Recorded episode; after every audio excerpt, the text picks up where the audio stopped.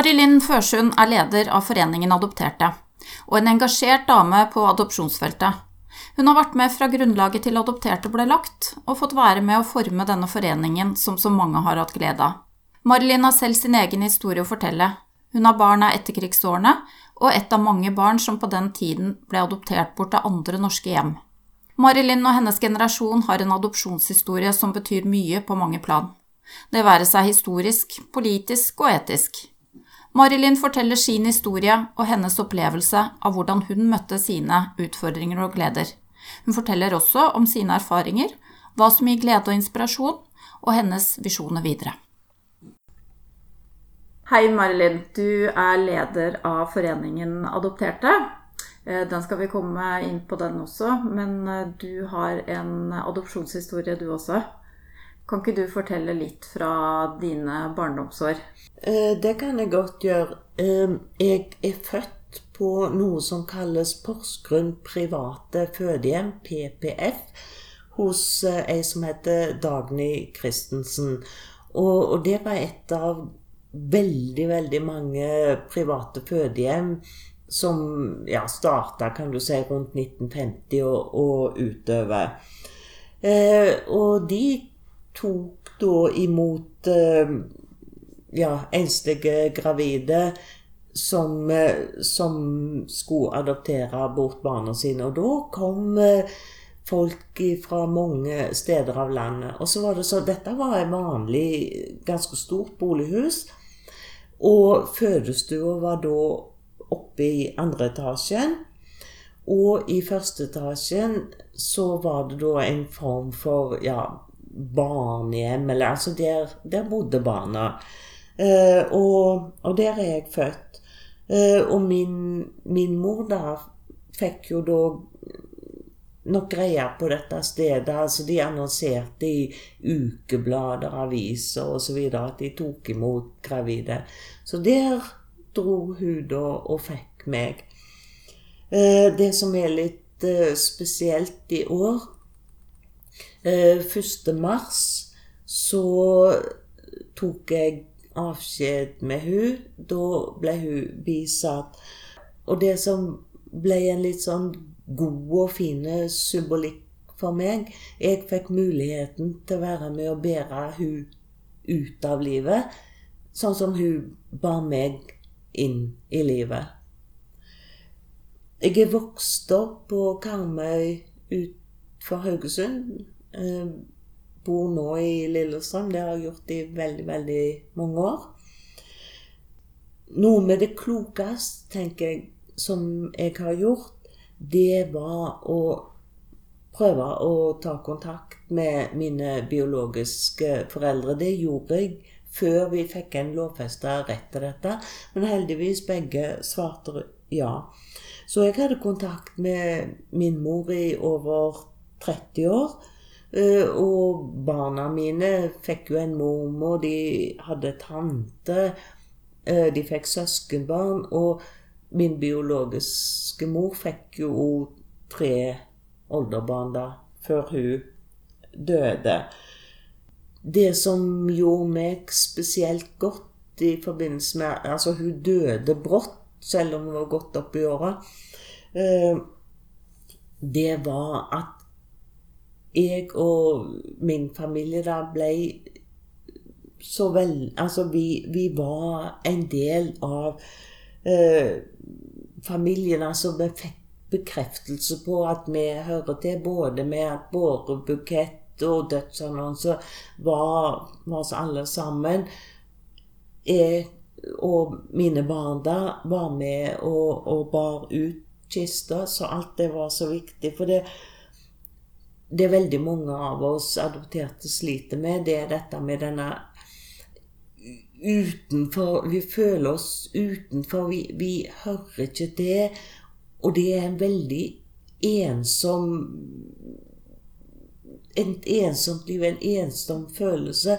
Og det er jo uavhengig. altså Folk kan ha hatt verdens beste oppvekst hos verdens beste adoptivforeldre, men allikevel så, så er så er den, så er den der.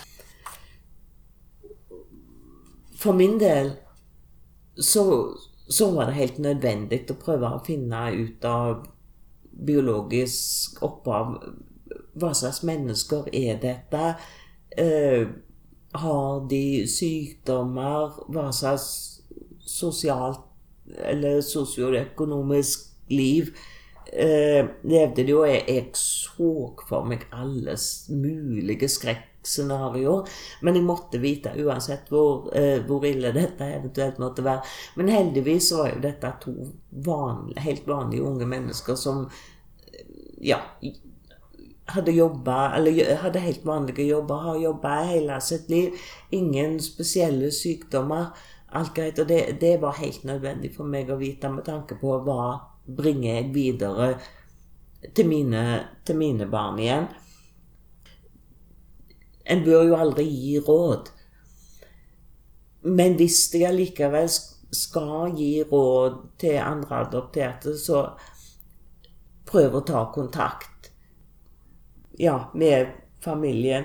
Uh, vi får en del, altså I, i uh, vår organisasjon, Adopterte, så får vi en del henvendelser fra uh, biologisk familie.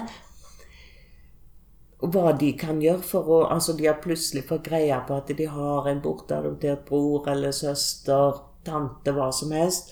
Hva, hva kan de gjøre?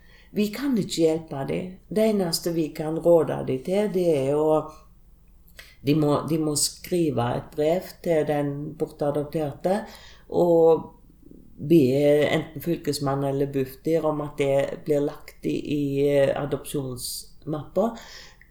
Men så er det jo da prisgitt at den adopterte faktisk eh, ber om innsyn i, i mappene sine.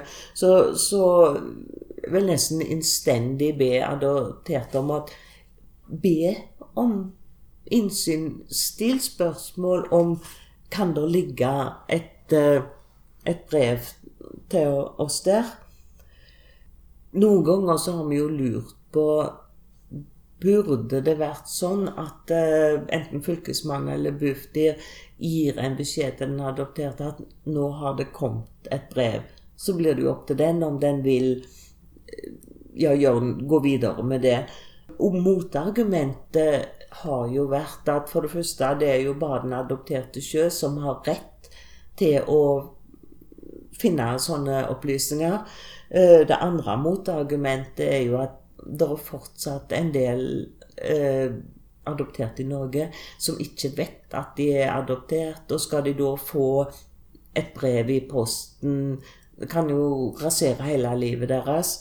Eh, men, men, det er noe vi må kanskje diskutere, og det kom jo Det ble jo vedtatt en ny lov 16.6 i fjor. Eh, alt tyder på at den vil tre i kraft 1.7 nå i år. Og da blir det sånn at når en person, en adoptert er 18 år, så skal den få et brev om det. Så, så om dette her hun vil få en tilbakevirkende kraft, det, det, er vanskelig å si. Men, men, dette blir noe vi må så, tenke på og, og diskutere etter hvert. En annen sånn type henvendelse vi har fått i det siste, det er jo at eh, folk som nærmest har levd som adoptert hele livet, Plutselig så hører de rykter om at kanskje de ikke er adoptert allikevel.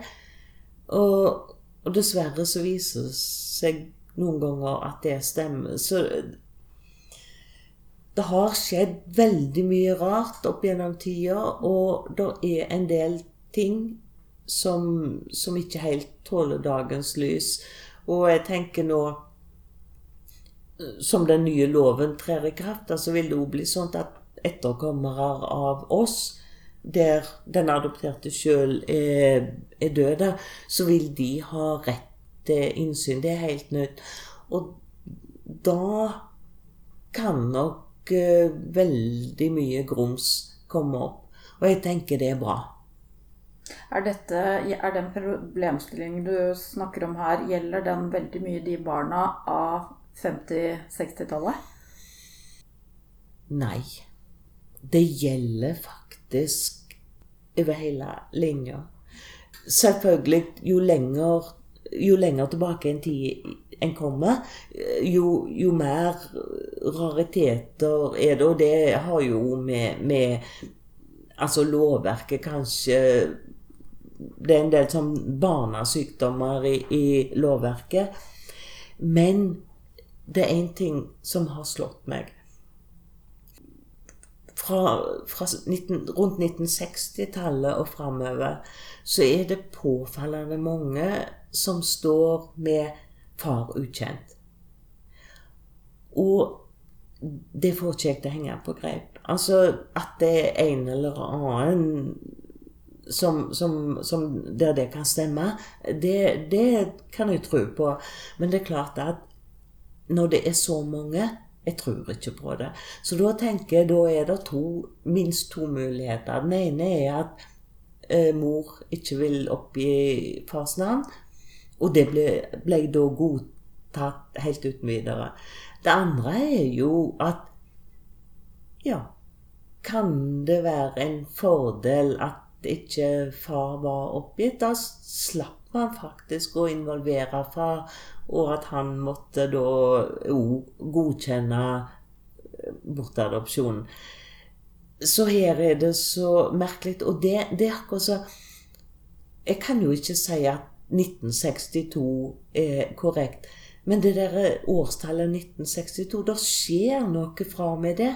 Uten at jeg vet hva det er. Så vi har jo jeg håper å si alle år, eller de åra vi har øh, øh, eksistert da, som organisasjon, så har vi, vi mast og styra om, om, dette med forskning.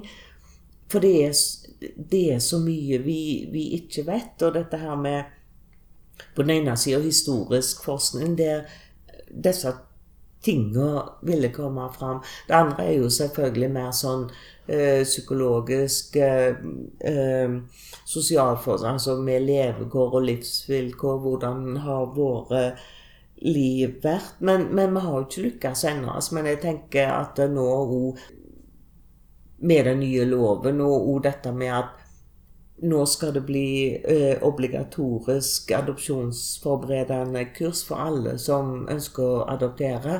Eh, da er det viktig altså at det er ordentlig kunnskapsfundament. Og det, det, den kunnskapen må være tufta på, på, forskning.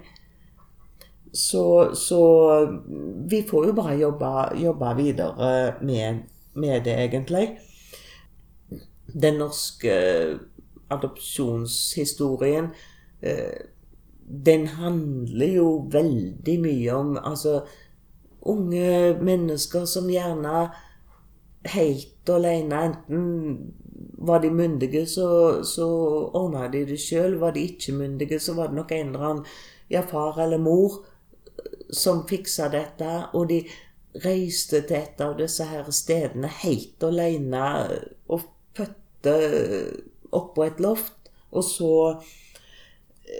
Og så dra igjen. Og det det handler om, det er jo skam. Altså å bringe skam på familien. Norsk adopsjonshistorie handler jo ikke om barnevern eller sånne ting. Det, det handler om skam. Og, og jeg fatter ikke f.eks.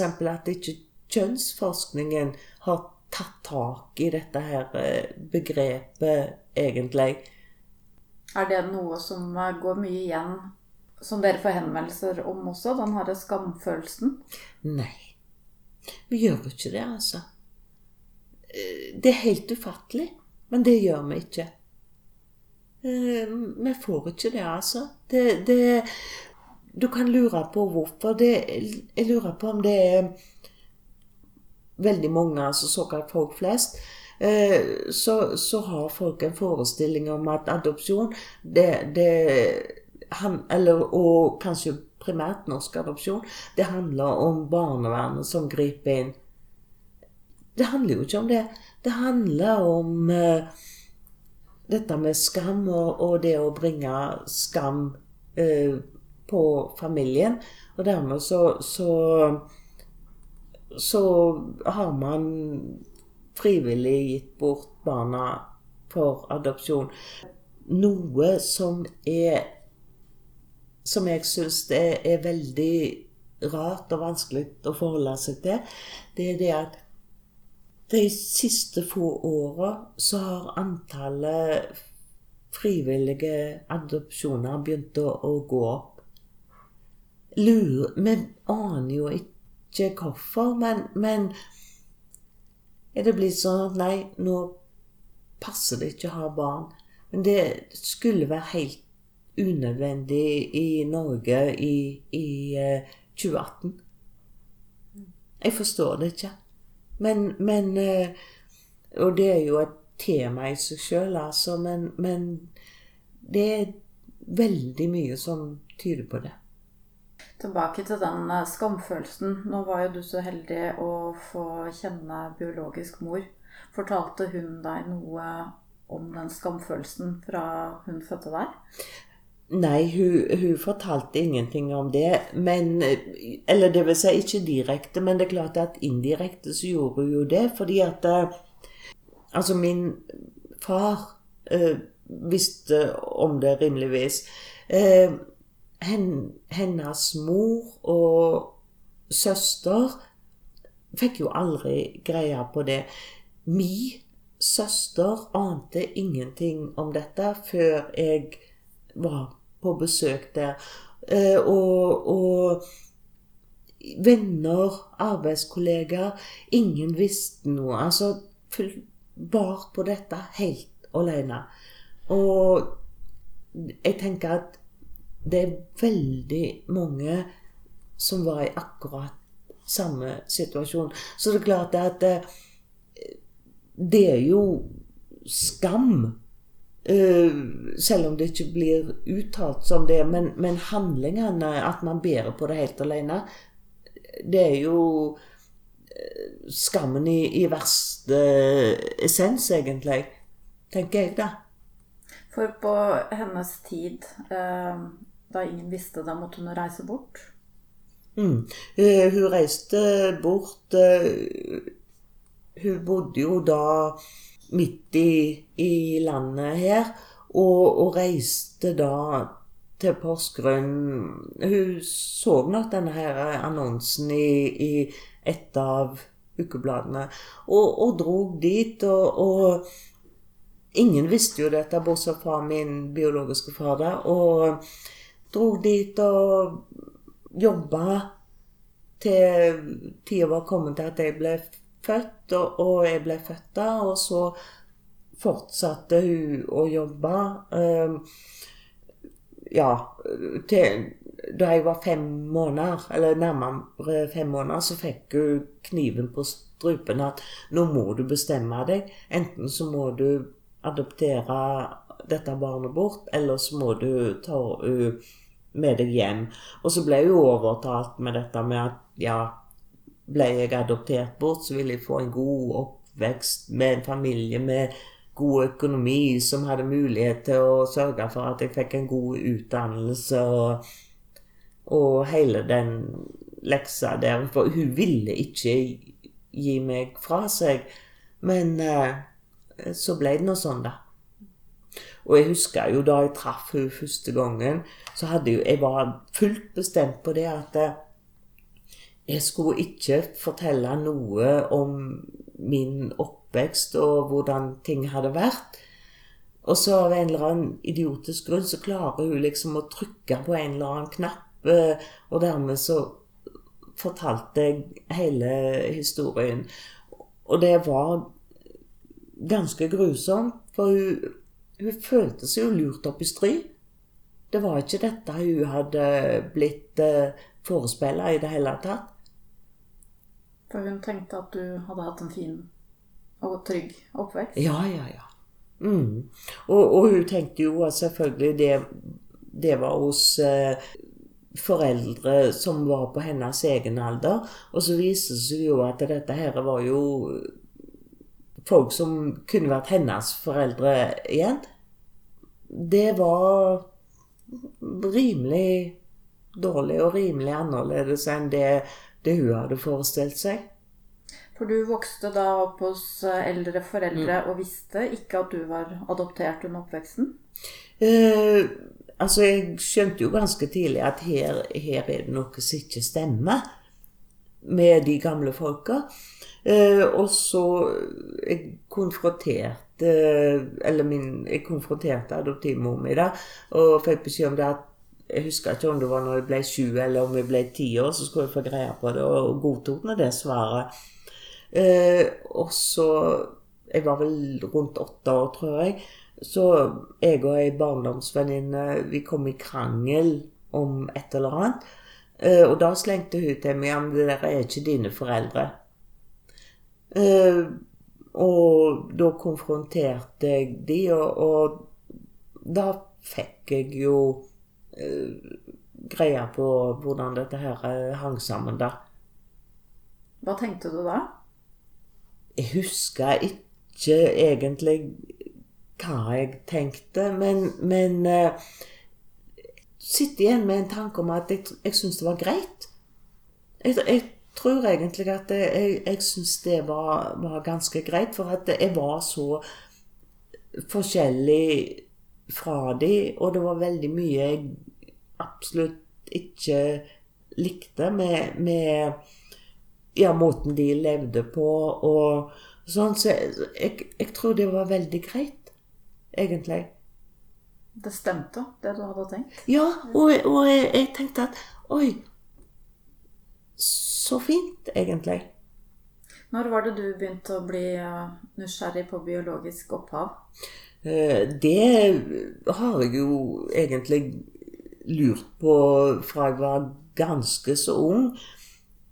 Eh, Og hadde jo bestemt meg at dette her må jeg prøve å finne ut av. Men så går året, ikke sant. Man er ung og med at man skal holde på med da, og med utdannelse og jobb. eh, Og ja, forelskelser og alle de der tinga der. Nei, jeg var vel gravid med, med mitt andre barn. Da bare bråbestemte jeg meg at nå må jeg, finne ut av dette her. Og, og det, var jo, det var jo før man hadde fått den retten som man fikk i 1986. Eh, Så det var jo en del sånn styr, altså kontakta Justisdepartementet Nei, Statens adopsjonskontor het det vel den gang. Eh, De kunne ikke hjelpe meg. altså men eh, Frelsesarmeens ettersøkningstjeneste, de, de hjalp meg. Og da gikk det veldig greit, egentlig. Og da fant du mor og søster? Nei, jeg fant mor. Ja, mor og hun ville ha kontakter, og, og hun fortalte jo meg om søster og alt, henne sitt eget liv der. Eh, far fikk jeg kontakt med, og jeg måtte ta kontakt med han så fort som mulig. Og så somla jeg litt, og så døde han brått av uh, hjerteinfarkt. Så jeg rakk det ikke. Men jeg eh, jeg har nok selvfølgelig eh, egenskaper fra, fra begge. Men jeg, jeg, jeg ser nok at eh, det er en god del fra, han òg, altså. Og, så ja, det er det der med å ikke vente for lenge. Eh, Plutselig så, så så er det, er det for seint, egentlig. Hvordan var det å få søster i voksen alder? Det var kjekt. Uh, og jeg tror det var, har vært kjekt for henne, selv om at uh, hun, hun fikk jo sjokk da, i og med at hun ikke visste det. Så er nok det er veldig bra for oss begge og våre barn igjen. og mine barn har barn, hennes har ikke det ennå, men, men eh, må jo forvente at det kommer når, når tida er inne for det. Vi er jo ikke så mange, og dermed så, så, så blir det desto viktigere, egentlig. Har det vært viktig for barna dine også? Å ja. Eh, For det har det vært eh, veldig viktig. Og, eh, For det har det jo vært litt sånn luksussituasjon òg, fordi at ha har liksom dobbelt sett med besteforeldre, det, det er ganske lukrativt, det. Og de var så små når, når eh, jeg spora opp mine biologiske foreldre. For de har det vært helt naturlig. Altså, de drev, opererte med gamlemormor og nye mormor. Og det var helt, verdens mest naturlige ting. Hvordan kom du inn i foreningen Adopterte? Den eh, organisasjonen der, den hadde egentlig sitt utspring Altså, da kom, da kom eh, det kom ut ei bok, 'Mødre uten barn', som, eh, som journalist og forfatter Bjørn Steinar Meyer skrev i, i, eh, i 2007. Og helt sånn tilfeldig, så jeg tror det var på lørdags... Nei, ikke Lørdagsrevyen. altså Det var vel TV 2, tror jeg. Som hadde et innslag om noen som var skrevet om i den boka, og, og, og boka, da. Så jeg fikk med meg navnet og, spurte han opp og tok kontakt og sa hvem jeg var, og, og uh, at jeg var veldig interessert i at vi, det burde startes en organisasjon, fordi at skulle vi komme noen vei, så måtte vi stå Være flere sammen. Uh, og han svarte veldig raskt han hadde, eller, hadde en avtale med, med, en stortingsrepresentant. Og det viste seg at det, det var, ble Odd Einar Dørum. Og det var jo blant annet altså historien, forskning og alt dette her. Så han, eh, han eh, hadde en sånn stortingsinterpellasjon. Jeg husker den dag i dag at det var fredag 4. april i 2008. Jeg hadde dessverre ikke anledning til å, å være der da. Jeg var i Berlin. Men, men eh, en del av de som han skrev om da i denne boka, altså de var født på uh, fødestua i Mysen hos Magne Lunder. Uh, de var der, og så hadde de dratt og, til dette stedet på Mysen.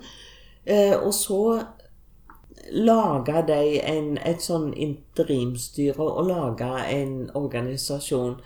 Eh, og så, etter hvert, så, så ble dette her formalisert. Og det første årsmøtet var i 2009.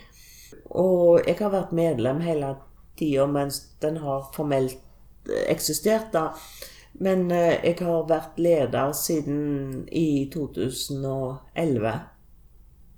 Og heldigvis så har det fram til nå bare vokst. Og selvfølgelig så har vi slitt med en del barnesykdommer som vi som alle må igjennom. Men, men eh, tror vi har funnet en form nå som, som er veldig bra. Og det at vi blir tatt seriøst av myndigheter, av mediene, f.eks. Men samtidig så, så, har vi Altså, vi har disse arrangementene våre der folk kommer sammen og, og snakker og forteller og blir, blir, forstått. Pluss at vi kan invitere inn eh, altså relevante foredragsholdere. Jeg tror nok det er en del riktig vi, vi holder på med. Sånn som jeg har skjønt eh, adopterte litt, så er det en forening som også gir mye støtte og informasjon. Eh, og som du også sier, en møteplass eh, hvor dere kan dele felles erfaringer. Betyr det mye for deg? Det er klart det, det gjør det. Altså, jeg er nok en sånn type som er nødt til å jobbe har jeg, har jeg eh, inntrykk av. Altså, jeg, det har alltid vært sånn, og, og, jeg tror det er noe som, som ligger i meg. Altså, så det, det, er klart at det betyr òg mye for meg å, å, få til ting. Men samtidig Det har jo vært veldig mange overraskelser. Altså En ting som, som jeg var helt uforberedt på, det var dette med disse fellestrekkene. Jeg, jeg tenkte i min enfoldighet at eh, de som hadde hatt en dårlig oppvekst som adoptert, ville selvfølgelig slite. Mens de som hadde hatt en veldig god oppvekst, der ville alt være helt greit. Og så viser seg da, uavhengig av hvordan oppveksten har vært, så, så er det en del fellestrekk. Altså det ene er jo dette som jeg sa helt tidlig, med at det utenforskapet Altså, man hører ikke helt til i adoptivfamilie. Man hører ikke helt til i biologisk familie når man tar kontakt der. Og, og den ensomheten som det bringer med seg. Og, den, og, og, dette her med denne på en måte frykten for avvisning. Man er redd for å, å bli avvist, og istedenfor da så avviser man gjerne sjøl.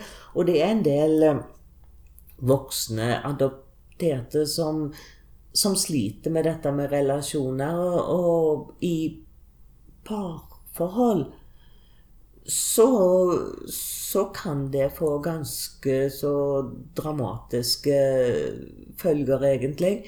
Altså at man enten forlater eller skyver fra seg en partner som faktisk kanskje kunne vært det beste som har hendt en i livet. Og det er det er ikke uproblematisk på, no, på noen måte. Er det andre sånne fellestrekk som du har oppdaget eh, etter hvert? Det er jo de som, som gjerne går igjen eh, eh, egentlig, altså de tinga der. Og, og, det der med eh, Det er veldig mange som Altså, man må være takknemlig. Være takknemlig fordi at eh, noen nærmest ville ta seg av en. Og, og det der med altså skyldfølelse. Man er så redd for å, for å, skuffe. Man tar kontakt eller prøver å spore opp biologisk familie eller tenker på det.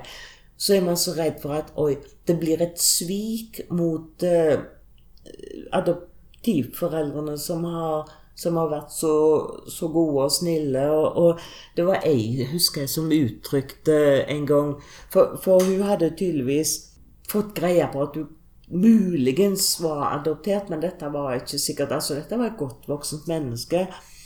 Uh, og jeg sa at det, du har alle rettigheter. altså Dette er bare å, å ta kontakt med Fylkesmannen sånn og sånn, og, og, og finne ut av dette. Og hun, hun, visste ikke helt om hun ville dette, fordi at det, det ville oppleves som et svik mot den fantastiske barndommen hun hadde hatt. Jeg, jeg vet ikke noe mer om, om hvordan, hvordan, det gikk, altså. Men, men, det er en del som, som har de følelsene. Og, og det jeg tenker på nå med når den nye adopsjonsloven skal tre i kraft, og dette med at det blir eh, obligatorisk adopsjonsforberedende kurs for alle, enten det er nasjonale eller internasjonale uh, adopsjoner, så er det viktig at uh, disse tingene kommer fram i disse kursene, sånn at de potensielle adoptivforeldrene at de er forberedt, at de vet hva de faktisk eh, er nødt til å håndtere. For jeg tenker at gode adoptivforeldre vil klare å håndtere dette så lenge de er informert på forhånd hva, hva dette handler om, egentlig. Vi har jo eh, overs, fått oversatt denne boka av Nancy Werrier, altså til norsk, da. Eh, det første såret å forstå det, det adopterte barnet. Og hun er jo veldig opptatt av dette med Altså den eh, atskillelsen fra biologisk mor og hva det gjør. Men eh, hun skriver jo veldig mye, og spesielt kanskje i den oppfølgeren der dette med speilingen eller mangel på speiling. Men jeg tenker at sånne ting bør komme fram på et sånt kurs. For da, så lenge adoptivforeldrene vet om disse tingene, og at dette må man regne med, så tenker jeg at det er, det er mye enklere å både forholde seg til det og håndtere det. Ja, De tankene du sier med avvisning og litt redsel i forkant av å ta kontakt, satt du med noen av de tankene selv? Det, det jeg var opptatt av og, og, på en måte var litt redd for For eh, jeg hadde jo Ja, om jeg hadde fått hørt det, eller innbilte meg at jeg hadde fått hørt det, ikke, det er ikke, skal jeg ikke si sikkert, men at dette måtte nok være noe ordentlig vrakgods, altså. Som jeg kom ifra, for, for, å si det i klartale. Og jeg husker jo da når jeg skulle, jeg skulle møte min biologiske mor første gangen det, Vi skulle møtes på et nøytralt sted, uh, så jeg skulle treffe henne på Oslo S. Og jeg kikka jo altså Jo styggere og mer herpa uh, person jeg så jo, jo mer sikker var jeg, altså, for jeg var jo overbevist om at altså, enten så var denne personen ja, bevart på psykiatrisk institusjon for evig alltid, eller så var det en rusmisbruker, eller så Ja, worst case scenario. Men jeg måtte vite uansett hvor ille dette var, og, og heldigvis så fikk jeg jo så feil som det var mulig å få, da. Heldigvis. I og med at det mangler et sånt kompetansesenteraktig her i Norge, mm. Eh, blir foreninger som adopterte en liten del av akkurat det her støttesenteret? At dere får eh, litt henvendelser fra folk som trenger litt råd og støtte og veiledning? Vi får ikke så mye av det. Det har jeg nok mer inntrykk av at uh, Altså de eh, adopsjonsforeningene, altså de som, som uh, formidler, eller hva jeg skal si, adopsjon, de, de får de henvendelsene. Vi får ikke det. altså Vi får mer Altså vi får en del henvendelser fra biologisk familie, som sagt, og fra folk som er usikre på om de er adoptert, og selvfølgelig en del fra, fra media. Da. Men akkurat disse spørsmålene får vi ikke med, altså. Av en eller annen grunn. Jeg vet ikke hvorfor. Det kan jo være fordi at det, det er fortsatt ganske mange som ikke vet om oss. Altså vi, vi, vi har ikke klart og gjort oss kjent nok. Så, så det kan jo være, være en forklaring. Men vi, vi, får ikke det, altså. Hva tenker du om uh, foreningen Adopterte fremover? Har dere noen visjoner om uh, hva som skjer i løpet av de neste ti årene, f.eks.? Sånn som jeg ser det, i hvert fall, så må vi holde fast på det uh, fundamentet som, vi har. Og så Vi bør jo vokse, fordi at det er jo rundt 65 000 nasjonalt adopterte, og så er det rundt 15 000 internasjonalt adopterte, kanskje flere. Altså, det er jo snakk om nesten 90 000 adopsjoner. Selvfølgelig så, så, har jo det vært siden den første adopsjonsloven kom i 1917, og mange er borte. Men allikevel Der er mange, mange flere adopterte enn en vårt medlemstall skulle tilsi. Så, så vi, må, vi, må, bli bedre kjent, men samtidig så må vi nok Vi bør holde fast på, på det fundamentet vi har. Og så må vi fortsette å være aktive både overfor myndigheter og politiske systemet. Og så selvfølgelig eh, Vi må ha på plass dette med forskning, altså historisk forskning, for det er norsk samtidshistorie, dette.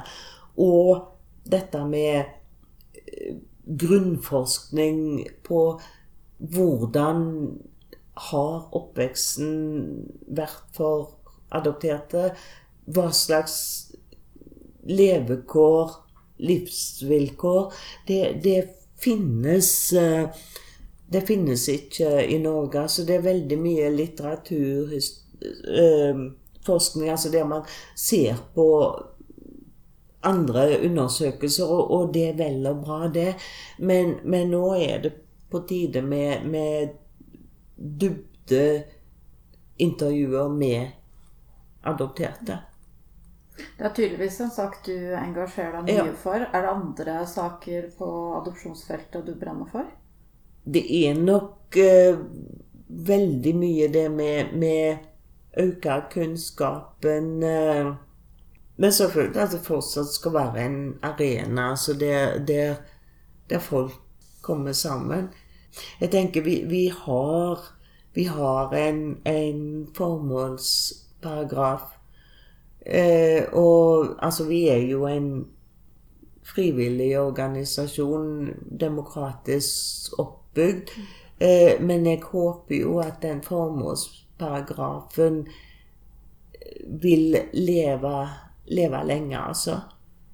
Eh, og den er jo på mange måter Altså, den er tredelt. Altså, det, det skal være en arena der adopterte kommer sammen og deler erfaringer og opplevelser.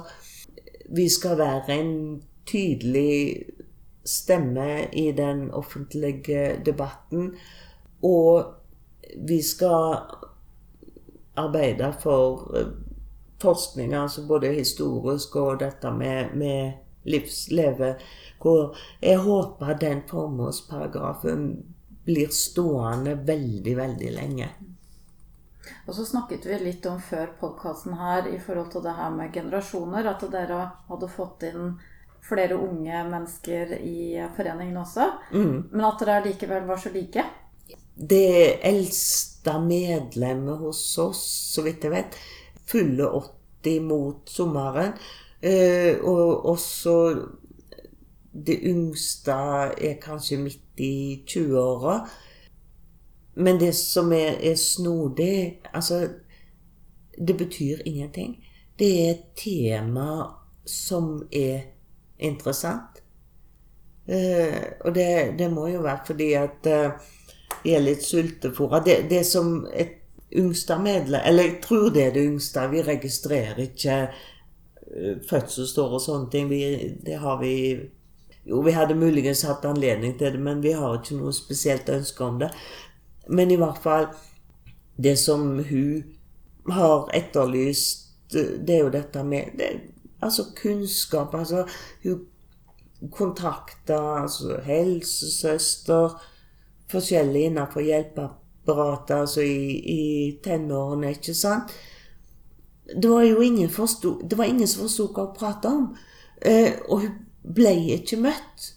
Og det er den store, store svakheten, altså. Det, det, den kunnskaps... Det er svært søtt av kunnskapsmangel. Der vi må inn. Er ikke det rart at det er sånn per i dag? Altså Én ting er jo i forhold til din generasjon når du vokste opp. Mm. Men så ser vi kanskje akkurat det samme i dag? Det henger ikke på greip. Eh, og, og akkurat det har vi diskutert mange ganger. Da blir jeg litt sånn steil. For jeg tenker at det er faktisk vårt ansvar som har skoer på, som er adoptert, som er hovedmålgruppa. Det er vårt ansvar å sørge for å få fram den kunnskapen. Vi kan ikke sitte på breie eller smale bak, alt dette sånn, og, ja, men, og sutre, holdt jeg på å si, at eh, ja, det er ikke kunnskap, og det er ingen som gjør noe, ingen som bryr seg. Nei, vet du hva, den jobben må vi faktisk ta. Og, og, jeg håper jo at det er det vi holder på med, da. Og så er det så viktig å få kanskje de historiene fra de forskjellige generasjonene, eh, i og med at dere likevel er så like. Det tenker jeg. For da får du de ja, fra de rimelig hinsides eh, historiene, organiseringen og formidlingen som, som ikke tåler dagens lys, til de som alt på en måte sannsynligvis er gjort riktig etter boka. Men også sitter en allikevel med de, de grunnfølelsene, erfaringene, de er allikevel like. Jeg tenker på oppveksten din, Marlene. Hadde du kontakt med andre adopterte når Nei. du var ung? Nei. Du visste ikke om noen? Jo, jeg visste om noen, men, men eh, det var jo et ikke-tema. Jeg husker jo at eh, jeg gikk i sånn jentekor i hele oppveksten, egentlig. Og jeg visste jo at dattera til dirigenten var adoptert. Det var ikke noe hemmelighet, det. Vi var i samme koret. Det var et ikke-tema. Og jeg visste jo av andre ord det var et ikke-tema. Det var tabu, kanskje adopsjon eh, og, og, og kanskje primært eh, norsk adopsjon er, er et av våre siste tabuer. Det var tabu. Ikke tema. For det har nok forandret seg til i dag, i hvert fall. Og det har jo forandra seg veldig med, med de eh, Altså når eh, det ble veldig mange internasjonale adopsjoner. Det var jo ikke mulig på en måte å, å, holde det hemmelig. Eh, og, og det var jo, ja, sånn som jeg har fått inntrykk av Foreldre veldig flinke, og, og at eh, de kom sammen, ikke sant. Vi som er nasjonalt adopterte, altså det, det er jo ikke Man ser ikke det, sant. Så, så det har vært tabu, ikke tema. I en tidligere podkast så møtte jeg Aud Oftedal, som du også har en relasjon til.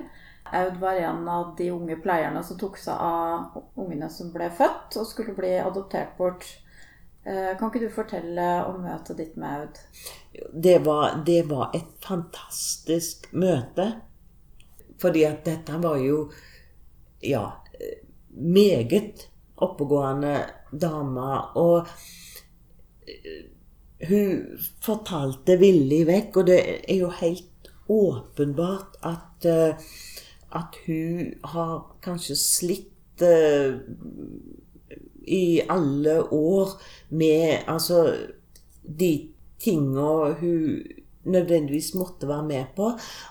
Det var etisk eh, feil, og det var etisk problematisk for hun. Og hun Jeg vet jo at hun jobba i, i primærhelsetjenesten med å undersøke potensielle adoptivhjem og oppdage en del ting der som hun ikke likte. Og, og, men dette her ble ikke tatt hensyn til.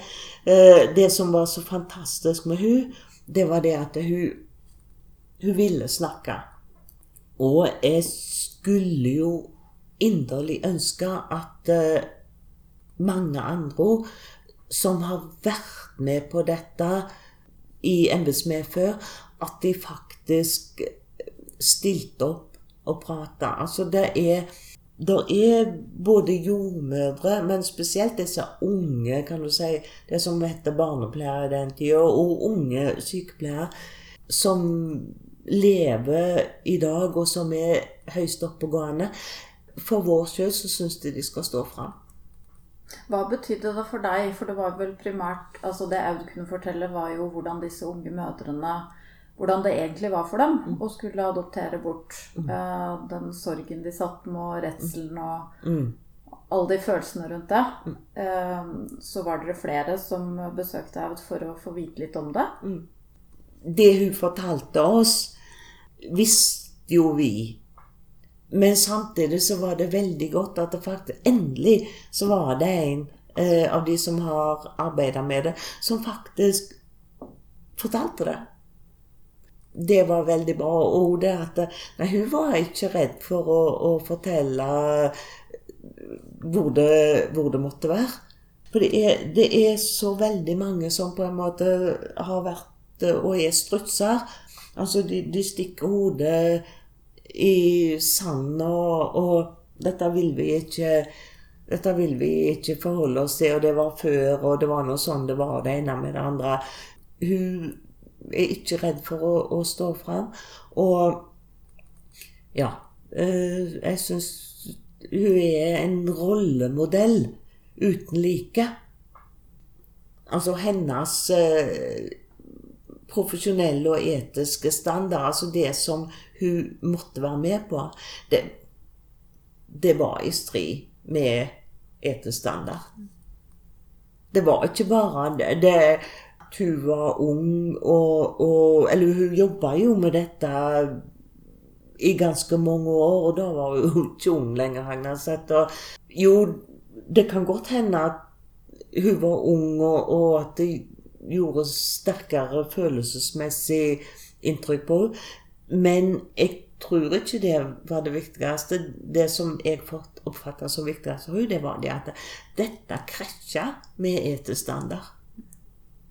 Mm. Hennes fagetiske standard som sykepleier.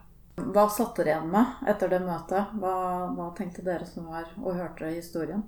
Eh, det vi tenkte, det var det at eh, Oi, nå må flere som deg på banen mens dere ennå er her på jorda. Det skylder dere oss, faktisk. Og det kan jeg godt tenke meg å, å, å gjenta alle Det er en oppfordring til alle de som Altså jordmødre de som har eh, helsesøstre, eh, det som i den tida kaltes barnepleiere. Det er uhorvelig mange av de som, som, eh, som jobber med, med, barn på disse her fødestuene. Jeg vil jo tro at en del av de er i 70-årsalderen i dag. Altså de er spreke og oppegående til tusen. Eh, kom og fortell. Det skylder dere oss. Tusen takk, eh, Marilyn, for din historie, og for at du ville fortelle. Takk skal du ha for at jeg fikk lov til det.